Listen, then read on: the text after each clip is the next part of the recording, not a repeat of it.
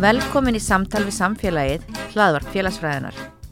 Gestur minn í dag er Ástís Arnalds en hún lauk doktorsprófi í félagsrákjöf frá Háskóla Íslands í november 2020. Ritgerinn hennar ber heitið Fjölskyldustefn og foreldra hlutverk, áhrif íslensku fæðingar orlofslöggefurinnar á atvinni þáttöku foreldra og ummunun barna. En Ástís er einnig með B.A. og Emma gráði félagsfræði frá Háskóla Íslands. Hún starfar sem verkefnastjóri á félagsvísindastofnun Háskóla Íslands og mun á næstunni hef ég störf sem nýtt doktor í verkefni sem þau Guðni Björg Eidal, professor í félagsráðgjöf og Ingólf af Gíslason stýra. En verkefni ber heitið Taka og nýting á fæðingarorlofi meðal foreldra á Íslandi en markmið er að meta hvernig íslensk lögjöf um fæðingar og foreldraorlof nýtist foreldrum. Velkomin í hlaðvarpið Ástís og til hamingi með doktorsnáttbótina. Takk fyrir það. Og svona kannski til að spyrja okkur finnst nú daldi gaman að læra eins um svona bakgrunn fólks og hvernig það ákveða að fara í doktorsnám og svona fara kannski að sinna þeim rannsóknum og sinnir. Þannig að þú myndir kannski byrja og segja okkur aðeins frá því bara hvernig þú ákvæmst að fara í doktorsnám í félagsráðgjöf og hver svona var þín akademiska leið í gegnum skólakerfið? Já, það kom nú þannig til að ég, ég sagt, byrjaði að vinna á félagsvístastofnun um það leiti sem ég var að klára mitt mastersnám, þannig ég er búin að vera á félagsvísstofnuninu í 14 ár núna. Og í gegnum starfmett á félagsvísstofnun þá komst ég kynni við akademi starfsfólk þeirra deilda sem að eiga stofnununa sem eru stjórnmjörnfræðdeild, félagsrákjáðdeild og, og félags mannfræð og þjófræðdeild heitum það ekki núna? Jú og hérna og eitt af því sem að ég var að gera sko á stofnunni var að að veita akademísku starfsfólki ráðgjöf þegar það var að sækjum styrki. Og þarna eitt daginn þá leitaði hún Guðni Björg Eidal sem að síðar varð leiðbynandi minn, hún leitaði til mín og baði mig að lesa þarna yfir styrkumsók sem hún var að skrifa, hún var að sækjum styrk til þess að abla frekari gagna um fæðingarálofs nýtingu og umönun badna og ég sagði henni þá, já, ég myndi rálegið þeirra að skrifa doktorsnema inn í umsóknuna, það er hérna, það er skrifa doktorsnefninni umsókn og þá sagði hann, já, ég veit nokkið hvernig nokkur hafi áhuga á að, á að rannsaka þetta eða vera doktorsnefn í þessu. Og þá í þessu, svona, í þessu samtali þá lísti ég yfir áhuga mínum á, á að vera þessi doktorsnefni að því að ég hef lengi haft áhuga á bara málefnum fjölskyldunar og, og hérna, já, breytti kynjana, þannig að bæði, já, mastersritgerinn mín var svona um fjölskyldu á sviði fjölskyldufélagsfræði og, og björðgerð mín á sínum tíma var hérna, svona meira svona kynjafræðileg. Þannig að, þannig að mér fannst þetta þetta svona efni tengjast mjög mínu áhuga sviði og, og hérna já og svo hérna bara fekk hún styrkt þess að afla frekar í gagna og, og ég hóf dóttasnám þannig hjá, hjá Gunju og, var svo heppin síðan að fá styrk frá Rannsónusjá Háskóli Íslands til þess að hérna geta svona synd þessu í, í fullu starfi þannig að ég hérna lækka starfslutfall mitt á félagsvístastofnun síðan er í 20% og, og synd þessu að fullum krafti. Já og þú minnir svona á það og Bia og Emma gráðin sem var í félagsfræðina þar svona ertu kannski rauninni strax komin með þannan áhuga á fjölskyldu og kynjafræði. Mannstu svona eftir hvar þessi áhugi svona kviknaði og hvaða var til þess að þessi málefni nákvæmlega fóru að verða þitt hjartans mál? Eh, svona, það eru nokkrir svona kursar sem að standa upp úr sem eru eftirminnilegir úr bíanáminu og ég tók hann eitt kynjafræðikurs sem ég varst ákvæmlega skemmtilegur. Eða tvo reyndar, ég tók líka kurs hjá hann um Ingólfi Vaff Gíslasinni mann ég um hérna Karla og Karlmennsku. Þannig að báður, bæði þessi námski voru mjög svona, já, kveiktur en verið áhuga minn svona á málefnum kynjana þó ég hafi nú alltaf verið held ég mjög svona mikill jafnrétti sinni. Uh, hvað fjölskilduna var þar ég ekki alveg ekki alveg að klára því endilega hvaðan sá áhugi kom. Ég manu reyndar ekki til þess að í félagsfræðinni hafi ég tekið sérstaklega einhver námskeið sko um fjölskylduna beint þó að auðvitað margt mörg námskeiðin koma inn á á fjölskylduna svona í, í, og sérstaklega kannski svona vandamáli umhverju fjölskyldunar mm. en, en ekki kannski beint, um, beint svona fjölskyldu félagsfræði. Mm. En þú skrifa mastersritgerinu sem tengist í, hvað var hún um?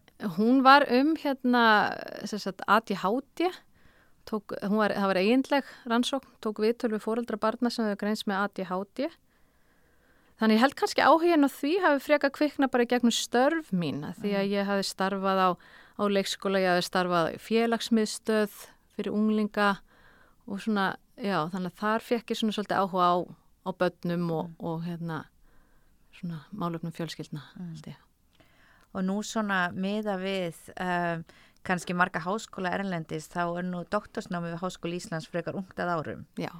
Eh, kannski þú segir mér eins frá því hvernig var að vera í doktorsnámi í félagsráðgjöf og svo kannski að sameina svona svolítið með vinnunni. Þú hefur náttúrulega sagt áðan með að þú hefur verið það heppin að geta ná svona að taka svolítið tíma þar sem gast aðalega fókusirað á doktorsverkefnið. Mm -hmm. Já það er eins og þú segir, þetta er ungta árum og, og í félagsráðgjöfinni hafa nú ekki margir klárað doktorspróf, eh, ég var svo fjórða. Mm. svo þriði að kláraði reyndar bara vikunu, í vikunu undan mér. Þannig að það er kannski, svona ef þú spyrt hvernig var að vera í doktorsnámi félagsrákjöfu, það er kannski, kannski sem að vantar, að það vantar þetta kannski stóra samfélag doktorsnima sem að hérna, getum deilt okkar reynslu og, og hérna, verið með einhver svona, svona workshops eða eitthvað sem að getum, getum lesið yfir skrif hvers annars. En En við vonum svo heppin að sko það, svona doktorsneimar á sviðinu held, við, það var svona góður samgangur á milli okkar og, og henni við vorum annað nokkur sem að stopnaðum svona leshóp, það er það sem við vorum að lesa yfir skrif hvers annars og, og hérna kommenta og, og svo leiðist en, en, en ég svona náðu kannski ekki tengjast beint öðrum doktorsneimum í deildinni að því að eins og ég segi það hérna og það fá. Já, og þannig kannski ekki hægt svona að tala um þetta ferli og að hafa í rauninni klára doktorsritgerðin á variðana 2020 heldur hún að minnast kannski á hún að hérna skrítna tíma hjá COVID, já, já. náttúrulega bæði þá varðandi að klára skrifin en síðan og ég er með horði svona undir venjulegum kringustæðin þá hefði ég mætti hátíðasal hái að sjá því verja uh, rittgerðina en horfið á staðin heima hjá mér á YouTube á því verja og Já. þetta sérst fór allt á fram í fjárfundi. Já. Hvernig var svo tilfinning að undibúa sig undir vörð með uh, síðan erlenda andmælendur sem mm. eru bara í sínum löndum og svona hátíðleikin kannski svolítið annar svona Já, já, mér fannst þetta ofsalega erfitt og ég var svolítið svona nýður dregin þarna vikunu undan því að hérna, það koma akkur átt á hérna, hertar, hertar í samkomi takmarkanir bara þarna rétt nokkru dögum fyrir að uppháflega eh, stóð til að mætti vera 20 manns við aðtöfnina og svo bara var þeim fækkanir í tíu.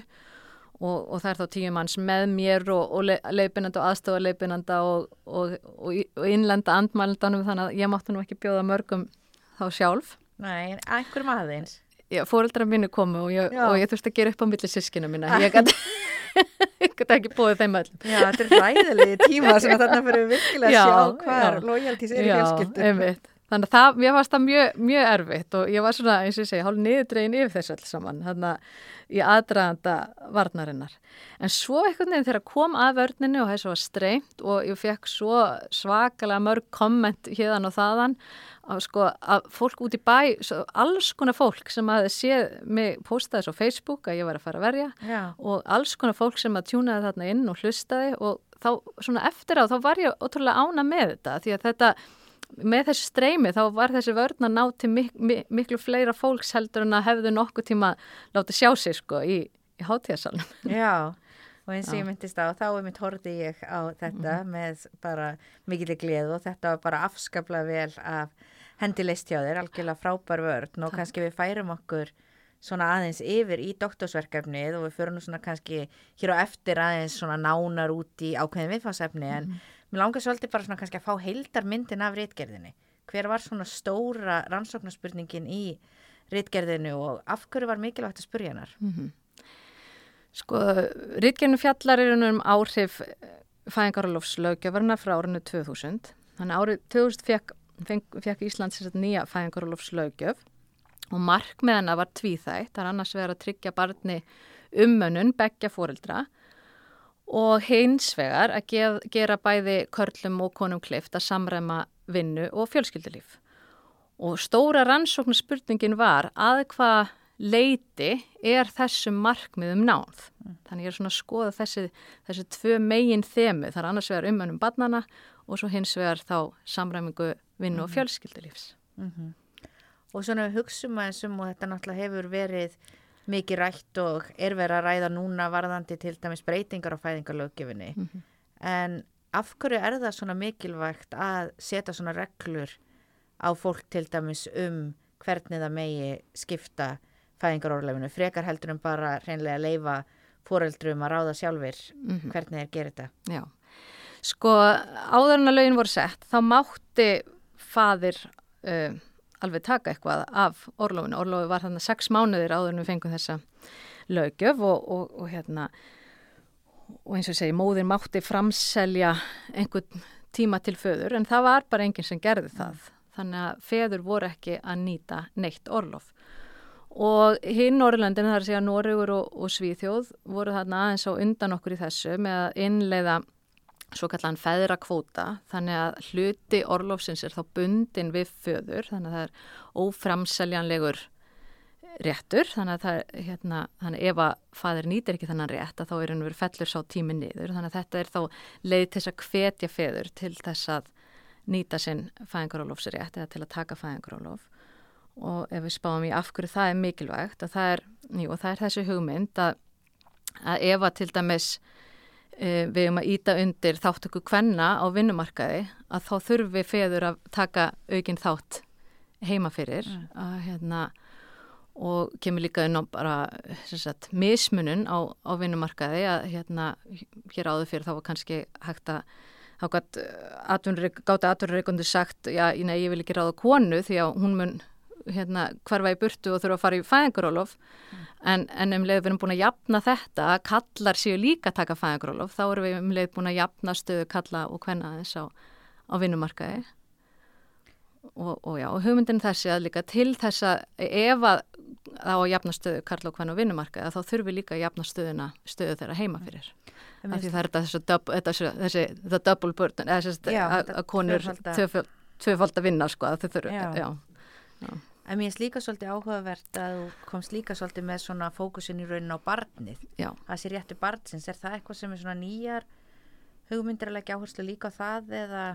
Já, það, þetta er svo sem er líka í annars, annari lögjöf, í, í bara fjölskyldu lögjöf almennt, að það er þessi áhersla á rétt barsins og þetta hefur orðið svona æg meira ábyrrandi í, í svona stefnumótun uh, á Norrlöndunum að það er þessi hugmyndur um rétt barsins og, og stundum er þess að stilt upp sem einhvers konar andstæðum sjónamiðum sko, veist, eins og núna umræðan í tengslu við nýju löggefina að, að þá er einhverju sem segja af hverju er alltaf verið að fókusa á kynjajabritti, kynja hvað, með, hvað með barni, hver er réttu barsins en ég menna þetta þurfa ekki að, er ekki andstæður sko, mm -hmm. að því að ég menna um leið og hérna við erum búin að jafna hlut kynjana eða eh, með auknu kynjajabrétti þá, þá er það líka þannig að, að hagur fjölskyldunar er heild og það er að barsins ætti að, að vengast. Þetta er svona þessi hugmynda þess að bara eigur velferð fjölskyldunar í heild. Já. Og svo kannski aðeins svona til að gera okkur svolítið svona, já kannski tilfinningu fyrir nákvæmlega hvað þú gerðir og af hverju við erum að treysta niðurstöðinum að fara aðeins hér úti í aðferðnar og gögnin. Mm -hmm að svona hvað var það sem þú varst að skoða í rítgerðin á hverju byggja þínar niðurstöður? Mm -hmm.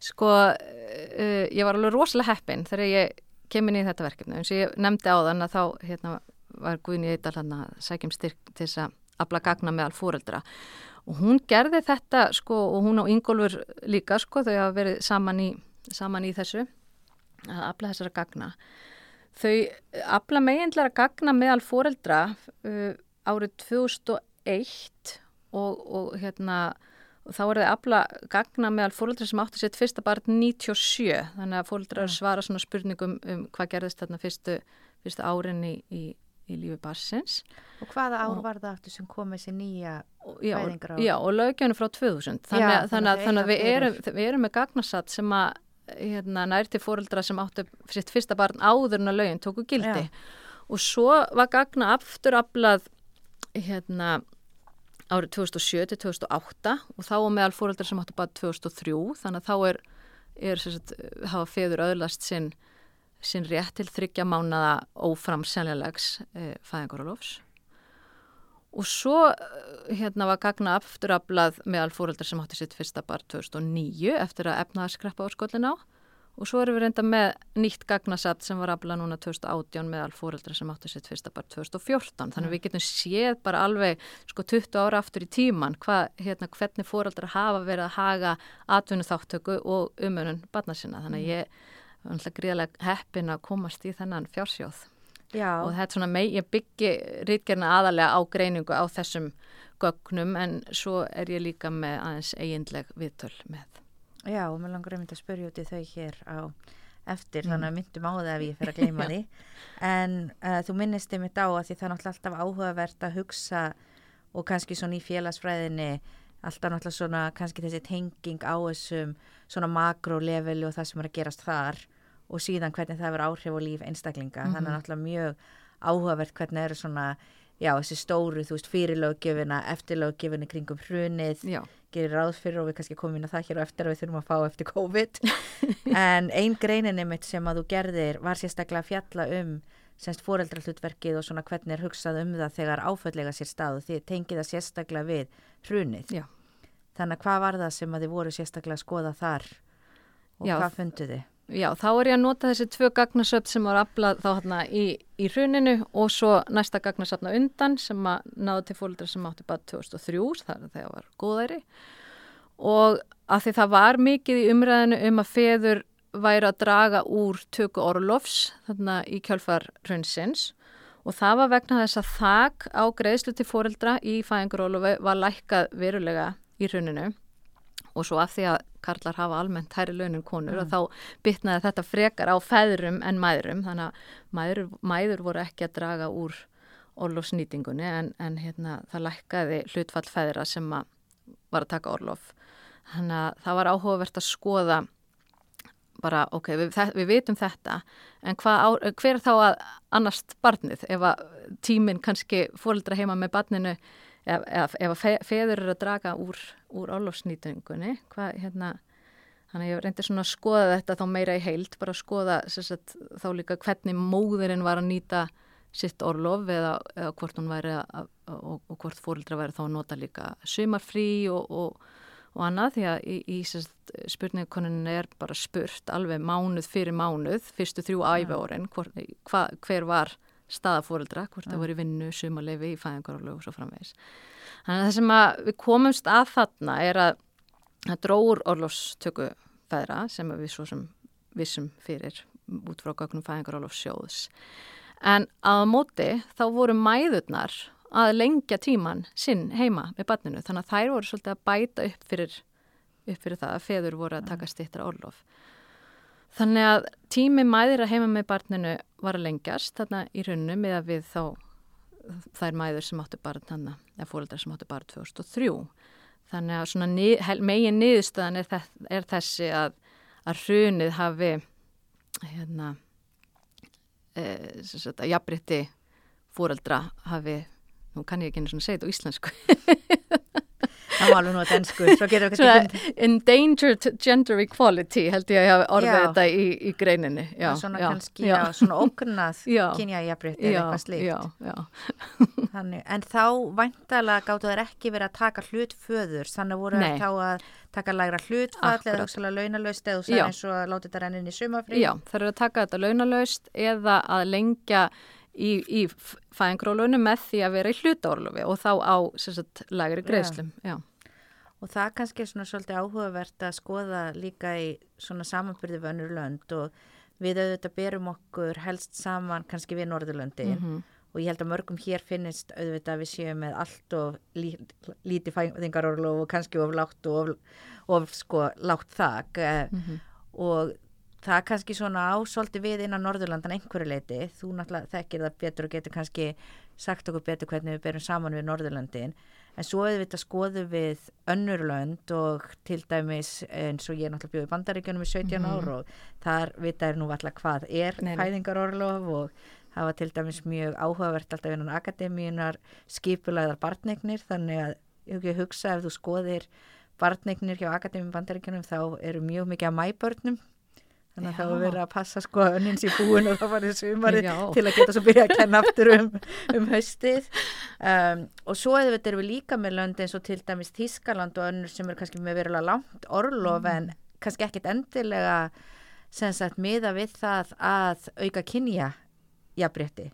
Það hefur enda breyst mikið eins og já. í Þískalandi að, að, hérna, að þar er komin þessi feðra kvóti Já. líka en það er vegna þess að fæðingatíni hafði, var að lækka svo gríðarlega í Þískalandi og, og hérna mæður voru ofta ekki eignast börn fyrir en bara um fertugt að því að, að sitt fyrsta barn kannski að, hérna, og, og þetta var svona, þetta- þannig að þetta er líka nota sem leið til þess að hvetja til barnegna.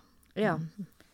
Já, það er náttúrulega bara bæði náttúrulega veit ég eins og í Þískra Akademíu fyrir einhverjum árum þar sem að jafnvel var, ef þú ætlar að eiga karriér sem þýskona þá jafnvel annáksvegar náttúrulega eins og segir að senka barnignum verulega eða jafnvel ákveða eignast ekki börn Einmitt. og við sjáum það líka eins og í bandaríkjónum en hvernig finnst þið svona Ísland kannski standa hvar stöndu við svona í samanburði við þessi svona kannski löndi kringum okkur Já, sko við e- höfum verið rosalega framalega með það að, að, bjóð, að bjóða upp á þennan feðrakvóta. Nú vil ég reynda að taka, þó ég tala um feðrakvóta, vil ég taka það fram að í löggjöfinu þá er ekki talað um feður og mæður eða kalla Nei. konur, að því að hérna, við vitum það jú auðvitað að fjölskyldur eru fjölbrettar og það getur verið tveir, með, mæ, tvær mæður eða tvær feður, tveir feður og svo framvegis. En, en, hérna, en þetta er samt sem áður í fræðunum oft kallað daddy kvóta eða, eða fathers kvóta Já, og hérna það er þá þessi óframseljanlegi réttur föður til að, eða ann, annars mm fóreldris til að taka fæðingurólof og við höfum verið rosa framalega í þessu þannig að þegar við innleitum þessa lögjöf ára 2000 þá veitti ekkert land, annar land í öllum heiminum feðurum jafnlangt óframseljanlegt orlof með sambarlegum greiðslum. Nú svíð, svíjar síðan náðu að, að jafn okkur þarna 2016 þá Mm. lengdu þeir sinn, þau sinn feðrakvota í, í þrjá mánuði líka og, og Noregur hefur svona aðeins flakka fram og tilbaka en, en hérna er núna sagt, var komið með já, er með langan feðrakvota líka. Þannig að, þannig að við stöndum ennþá framalega hvað, hvað sagt, þennan óframsæljanlega rétt föður varðar. En þegar við lítum á orlofstíman í heild bara hversu mikið hefur fjölskyldan heildar orlofstíma að þá er orlofið, hefur orlofið á Íslandi verið mjög stutt Mm. í samanburði við önnurlönd og hinu Norrlöndunum eru er orlofið, heildar orlofstímin á öllum hinu Norrlöndunum meir en, meir en ár. Á meðan á Íslandi var þetta en nýju mánuðir þar til bara núna árið 2019 það var að byrja að lengja hjá okkur og í sumum löndum og ég hef þetta sérlega gaman á að tala um Þískaland uh, og þar er vinafólk mitt sem á tiltóla lítil börn en þar má líka taka það á miklu lengri tíma. Já, en það er ofta í þessum löndum sérstaklega í mið-Evrópu að þar hérna, er mjög langur orlofstími en sko, við þurfum líka að skoða sko, hvernig greiðslunar eru. Þannig að í, í löndum mið-Evrópu þá eru þetta oft sko, alveg upp í kannski tvö ár sem að móðir má vera í orlofi en bara alveg á hverjum lámars greiðslum. Þannig að þetta er ekki tekjutengdar greiðslur. Já, og við erum komin hér aðeins inn í samanburðin á milli landa og uh, það var nú grein sem kannski er sérlega gaman að segja frá hér að við sem stríðstjórar Akta Sósialótsika sem eru Jó Jónguna Bergbúr, professor í félagsfræði, samþyknum með mitt grein í vikunni, verulega góða grein sem að þú ert að skrifa með þínum meðhöfundum. Já, það er afskaplega ánað með það. Já, það Skildi vera samþygt núna. Já, bara með, bara með betri greinum sem við fengið í tímarit, ég veit ekki hvort ég megi segja það, kannski á íslensku það er engin ég held að þetta sé að fyrsta, þetta er fyrsta greinin sem við samþykjum núna á tveimur árum sem að kemur frá Íslandi. Er Að það? Já. er mjög glæsilegt. En þar eru þeim að bera saman uh, Ísland og Spán og Já. eru með gögn frá þeim með tveimur löndum. Mhm. Og við byrjum kannski aðeins svona bara að velta þessu fyrir okkur almennt. Hvað er það sem er áhugavert við að bera saman akkurat þessi tvö lönd? Mhm. Sko þessi fræði, í þessum fræðum að þá er, eru Norðurlöndin gerðnan skilgrend sem hérna, út frá svona það sem heitur ennsku the dual earner, dual care model að hérna það er þessu tvær fyrirvinnur og, og, og hérna tveir aðilar sem sjá um þá umunina og, og hérna og pólisíunar eða, eða fjölskyldu stefnan á Norðurlöndunum er að styðja við þetta eða íta undir þetta, þetta dual earner, dual carer Aftur á móti eru hafa pólisíunar í Suður-Európu og Spáni þar á meðal verið alveg á hinum endanum og, og eru gerna tengda við það sem heitir á einsku the male breadwinner model. Það er, mm. er einn fyrirvinna og það er, það er kartmaður. Þannig að það er óslega áhugavert að bera saman land eins og okkar sem hefur verið svona framalega í, í, hérna, í þessari fjölskyldistefni sem að ítur undir þáttöku begja já, begja fóruldra og svo bera saman við löndis og spán.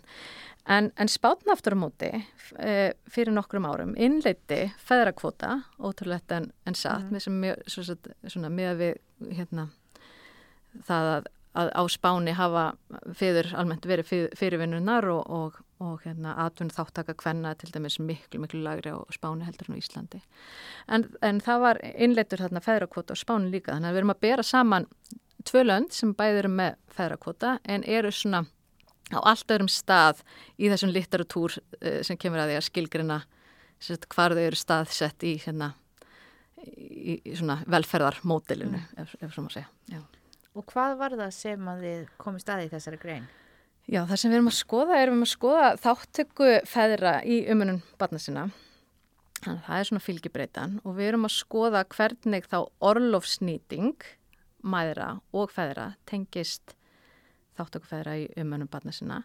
En einni hvernig orlofsnýting fóreldra tengist í uh, hvernig þau haga atvinnu þáttökun sinni, uh, vinnustundum fóreldra. Að, og þetta er eitthvað sem hefur ekki gert áður að því að sko það er alveg tilfullt að litteratúr um, um tengsl, til og meins fæðingar og stöku feðra og og þáttöku þeirra umennum barna sinna en við erum svona meira að skoða þetta heildrænt og, og hérna aðtöga sko um, hvort að það sé þá tengsla millir þess að, að hérna, taka fæðingarólof og hvernig, hvernig það tengir síðan að vinna þáttökunni tveimur árum eftir fæðingu og svo hvernig það tengist síðan e, þáttöku í umennum barsins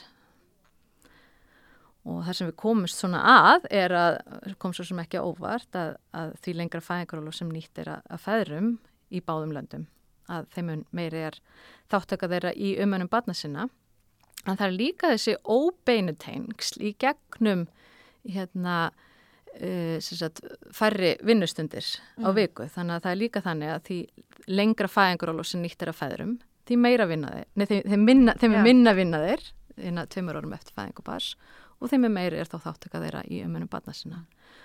Og hann eru við líka að bera saman löndin að við sjáum að þetta er þessi sömu áhrif í báðum Já. löndum en, en, hérna, en þáttaka feðra er samt uh, mun meiri á Íslandi en á Spáni mm. sem að kannski kom heldur ekki og óvart í ljósi mm. okkar löngu sögu af, af hérna, því að, að veita feðrum rétt til tökufæðingar og lofs. Mm og, og hérna já og gögnin og spán eh, gögnin sem voru með á spánu þau ná sagt, uh, líka til fóreldra sem áttu barn áður en að lögjöfinn þar tók gildi þannig að þar gáttu við líka sínt fram á að, að á spáni þá jógst fæðingarlofs nýting fæðra við innleggingu lögjafarinnar mm. sem er í samræmi við það sem við vorum búin að sjá á Íslandi Já það var rosalega ég, einmitt, ég man ekki, veit ekki hvort hún mannst tölurnar eða hvernig það var en það er svona eitt af því sem ég til dæmis sínu oft í bara kennslu þegar þú ert virkilega að sína hvernig stefnubreiting hefur áhrif Já. því þetta eru bara, ef þú skoðar þetta eins og hér á Íslandi þá voru þetta alveg rosalega tölur í rauninni frá því að þetta voru bara nánast engin fadir sem tók mm -hmm. yfir í bara 80-90% Já. Já. Já og ekki bara það að þeir séu að nýta orlofið heldur líka þá þessi aukna þáttöku í umunum umönum barnana og, hérna, og oft heyrist það já, en er þetta ekki bara fölsk fylgni hérna, auðvitað er það þannig ef að fæðið tekur orlof og þá tekur hann meiri þátt í umönum barnana sinna því það hann hefur greinlega bara áhuga á börnum mm. en, en, hérna, er, en ef þeir hafa, já það er ekki nóg að hafa áhuga á börnum ef við getum ekki bóð, gefið þeim tækifæri mm. til þess annars börn sín að þá hérna, þýr lítið að hafa áhugan Já, svona, og ég veit ekki, kannski er það ómikið bjart sín en má ekki svona eiginlega gera ráð fyrir því að flestir sem að taka að sér fjöðurlutverkið og ákveða eignast börn ættu nú að hafa minnst okkur einhvern smávæli en áhuga eigin börnum. Vonum það. en svo líka er þetta ofta svona flóknar og kannski þessari kynja umræðu um þegar við setjum upp því mann líka í kringum þann tíma held ég að hafa verið einhverja eiginlega rannsóknir sem að voru líka sína það að hjá feðurum var þetta ekki endilega það að þeir vildi ekki taka tíma mm -hmm. heldur líka þeim finnist þeir vera að taka tíma frá móðurinni Já, og það er svo sem ennþá að, að móðurinn er svona ákveðin hlýðvörður og, og ef þú hérna og í, í eiginlegum rannsóknum í viðtölum sem hafa verið tekin við fóreldra þá alltaf þegar við spurjum sko, hérna, af hverju ákveðu að skipta orlofunum með okkur með þessum hætti og þá er það alltaf svolítið svari, já móðurinn mm. re, réður þessu og þess vegna er svolítið hætta við, þó við viljum meina við séum orðin rosa framalega í, í kynriajabrétti, en þá er rosa hætta samt ennþá, ef við myndum gefa þetta alveg frjálst af því að það er móðurinn sem -hmm. bara ræður þessu, að þá myndi hún sjálfsagt taka allt orlofið til sín. Mm -hmm. já. Og svo er þetta sjáum við líka að oft svona kannski er einhver tímabild þar sem að þarf svona stefnu mótun og þarf í raun að setja kannski svona reglur. Já. En svo kannski, já, einhver leiti kannski draumurinn sá að síðan alltaf bara förum við kannski að já, vera bara í þannig veruleika að það bara telji allir þetta að var mikilvægt mm -hmm. að sem sagt báðir foreldrar taki leifistíma og auðvitað náttúrulega vitum við að það eru ákveðin praktíksatriði þar sem að já, kannski er hendur að móðurinn til dæmis taki fyrstu mánuðin að frekar en fadurinn já, já, já, já. þannig að við munum náttúrulega ekki komast kannski frá lífræðin í næstu allavega náttúrulega tíðina en mjög vel komin aðeins að koma inn á að þú ert að byrja sem nýdoktor mm -hmm. uh, í verkefni að sem er verið að meta íslenska fæðingar og foreldraorlof og uh, þetta er semst eins og kom fram áðan verkefni sem þau Guðni og Ingólfur stýra og er með stuðningi velferðaráðuneti sinns. Já. Uh, kannski já, bæðið og myndi bara svona segja mér almennt frá bara hvað er verkefnið um mm -hmm. og hver er svona kannski sérstaklega þín aðkoma? Já, já ráðuneti leitaði til þeirra Guðnjar og Ingóls að því að 20 ár voru liðin frá gildistökulagana og það þótti tilefni til þess að gera eitthvað uh, vegna þessara tímamóta og og Guðni og Eidal, já Guðni Eidal og Ingólur þau svona hönnuðu þá eh, komið upp á stungur að því hvað var hægt að gera og þau stungum mitt upp á því að, að hérna, ráða postdokk í, í þetta verkefni. Þannig að ég mun vera nýdoktor hérna í hálfri stöðu næstu þrjú árin. Og við munum nýta gögg frá fæðingarálásjóði þannig að við erum komin í heilmikið samstarf við vinnumálastofnun. Og þannig að ég mun svona greina þau gögn, það verður rosa spennandi að komast í, í alvöru gögn. En svo stendur líka til að, að gera stóra könnun þá meðal fóreldra að því að fæðingarólof-sjóðsgögnin náðu þetta bara til fóreldra sem að taka fæðingarólof, þannig að við erum með upplýsingar til dæmis um tekjur, feðra og, og, og svona en þetta er náttúrulega bara þeir feður sem að taka eitthvað orlof. Þannig að þurfum líka að vita eitthvað um fóreldrarna sem ekki taka orlof eða sem eru þá aðalega feður, mæður taka nú yfirleitt alltaf. Mm. Þannig að það verður líka gert könnun þá til að bera saman þessa hópa sko, fyrður sem ekki taka orlof og, og fyrður sem að taka orlof, Hva, mm. hver er munurinn á þeim, af hverju er þessi munur til staðar, af hverju, hverju fyrður ekki sem taka ekki orlof, hver, hver er þeirra staða, Hva, hverju, hvernig stendur á því. Mm. Og svo ætla Guðni og Ingólfur sko að fara í, í að skoða betur uh, hvað gerðist þarna við gildistökulagana árið 2000 hérna, þau eiga viðtöl við fólk sem var svona í farabróti uh, þegar lögin voru innleitt á sínu tíma þannig að þau ætla svolítið að vinna upp úr þeim gögnum og taka jafnvel einhver fleiri viðtöl þannig að það er svona þeirra hluti á meðan ég mun í mínum, mínum nýdoktorstyrk mér að vera að greina þá þessi meginlegu gögn mm. Og þú verður sem sagt í þessu 50% og svo áfram sem verkefnastjóru og félagsvístastofnun 50% Já. og þú er búin að vera þar í 14 ára eins og þess að ég tíma aldrei að hætta alveg sko, þó, þó að ímislegt annað spennandi bjóðist En hvað er það sem þú ert að gera á félagsvístastofnun og svona kannski hvernig svona fer það saman að vera með þessar tvær stöður og hver er svona munurinn á að vera annars vegar inn á rannsóknastofnun og hins vegar kannski meiri í þessari akademíu Já. sem þó að félagsvísstofnum mörguleiti séu þetta líka akademíu. Mm -hmm.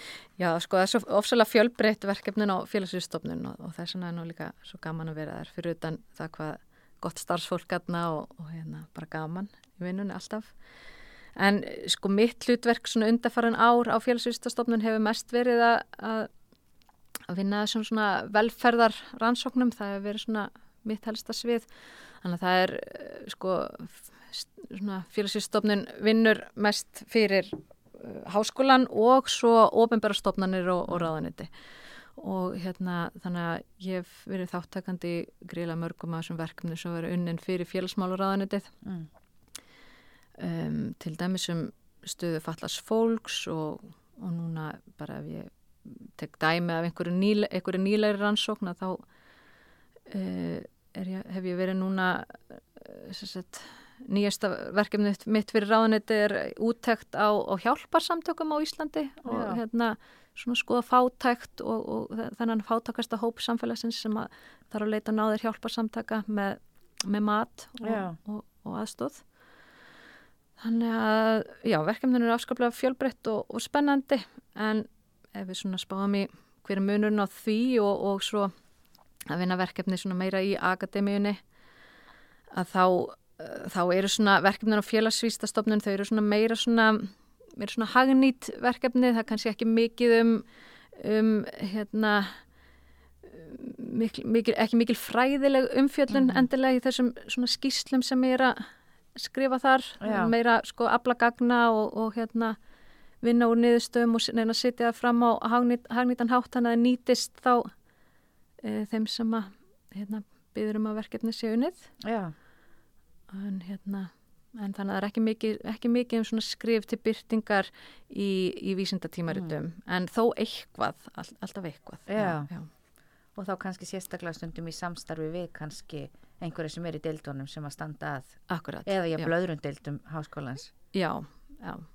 Svona reyna að, að vinna mest fyrir deildina sem að okkur standa en, en, en við erum mjög mikið að vinna fyrir aðrar deildi líka í háskólanum Já, já og svo kannski svona fara aðeins út fyrir svona rannsóknina beint en svona náttúrulega sem tengist mjög náið því sem þú ert að gera er frumvarfi sem er núna verið að tala um sem er breytingin á fæðingarorlöfinu og svona lenging og hvernig það er sett á milli sem sagt þá já, fóreldra A og fóreldra B mm -hmm. um, að þú getur kannski sagt mér aðeins bara svona frá því hvað er það sem að er í þessu frumvarfi, hverjir eru breytingarnar og svo kannski svona kost og galla því að mm -hmm. það hefur nú verið, já bæði svona náttúrulega með mjög upplugt stuðningsfólk mm -hmm. en við hefum líka séð svona verulegar kannski mótmælarattir varðandi það. Já, það var aldrei heitar umræður hérna já. í krigum hérna þegar frumvarfi var lagt fram en, en þetta frumvarf það var þannig sko það er þá sex mánuðir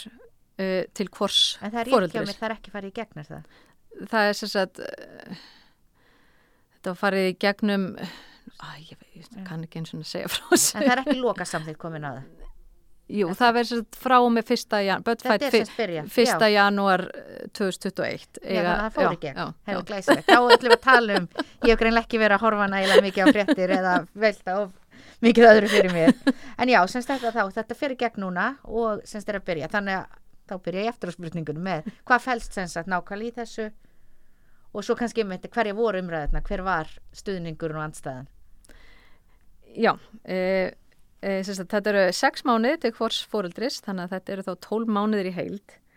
En, en í upphaflegu útgáfunni á frimörpunu þá mátti hvort fóruldrum sig framselja einum mánuði til hins fóruldrisins en svo í loka útgáfunni sagt, lendingin var svo að hvort fóruldrum á framselja einum og hálfum þannig raun og veru er þetta þá kvóti upp á fjóra og hálfan mánuður fjóra og hálfan mánuð til hvors fóruldras og svo megaðu þá skipta restinni að vild. Já. Þannig að þetta felur í sér lengingu á fæðingarálónu og líka lengingu þá á kvótanum mm.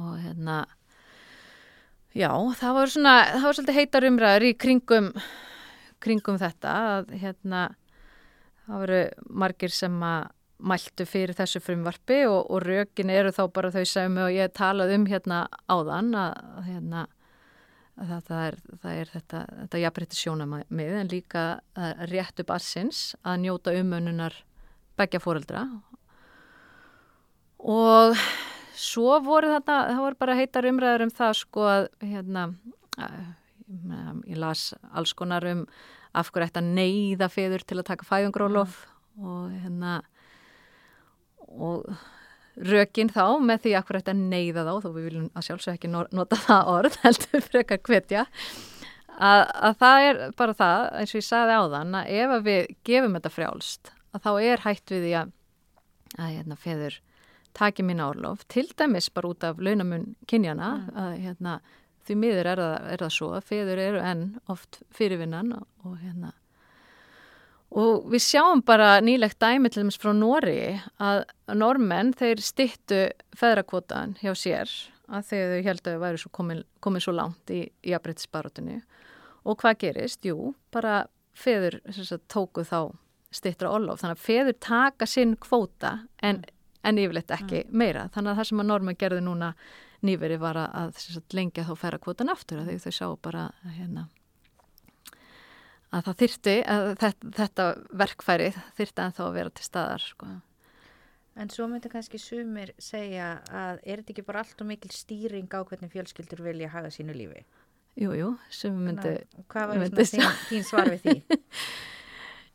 Já, ég held bara að við þurfum að horfa heildrænt á þetta að hérna, auðvitað eru fjölskyldur óleikar og auðvitað hérna, hendar þetta kannski sumu fjölskyldum verið en öðrum. En ef við horfum svona á heildarmyndina myndina og bara spáum í hvers konar samfélagi við viljum búa í að þá viljum við búa í samfélagi sem að börn njóta umununar begja fóreldra og bara fá, allir fái svona notið sín sko og hérna og bæði kallar og konur geta notið sín þá á vinnumarkaði og heima við, og heima við líka að, að feður ekki síður en mæður geti hérna notið þeirra fóréttenda að fá að, að kynna spanninu sínu og mynda sterk tengsl við barnið sitt.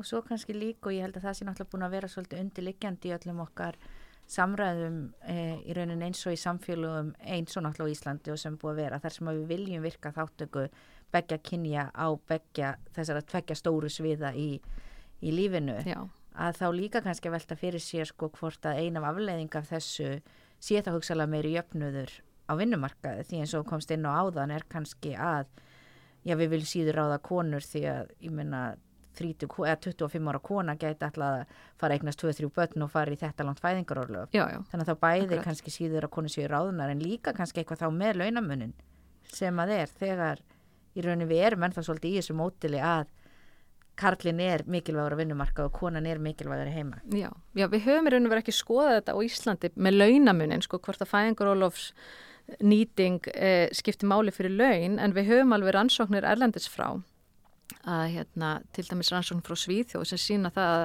ef að mæður eru lengi frá vinnu vegna batnegna í löngu fæðingarólofi að þá hérna það heldur þeim síðan niðri í launum sko þegar þær koma aftur Já. út á vinnumarkaðin og eru sem sagt þá erfitt með að, að hérna, líka vinna sig upp í, í erfiðra með að vinna sig upp í hérna, aðri stöður og, og svona þannig, að- Mm. já, þannig að þetta skiptir máli fyrir starfsframa maðura að, að hverfa ekki frá of lengi.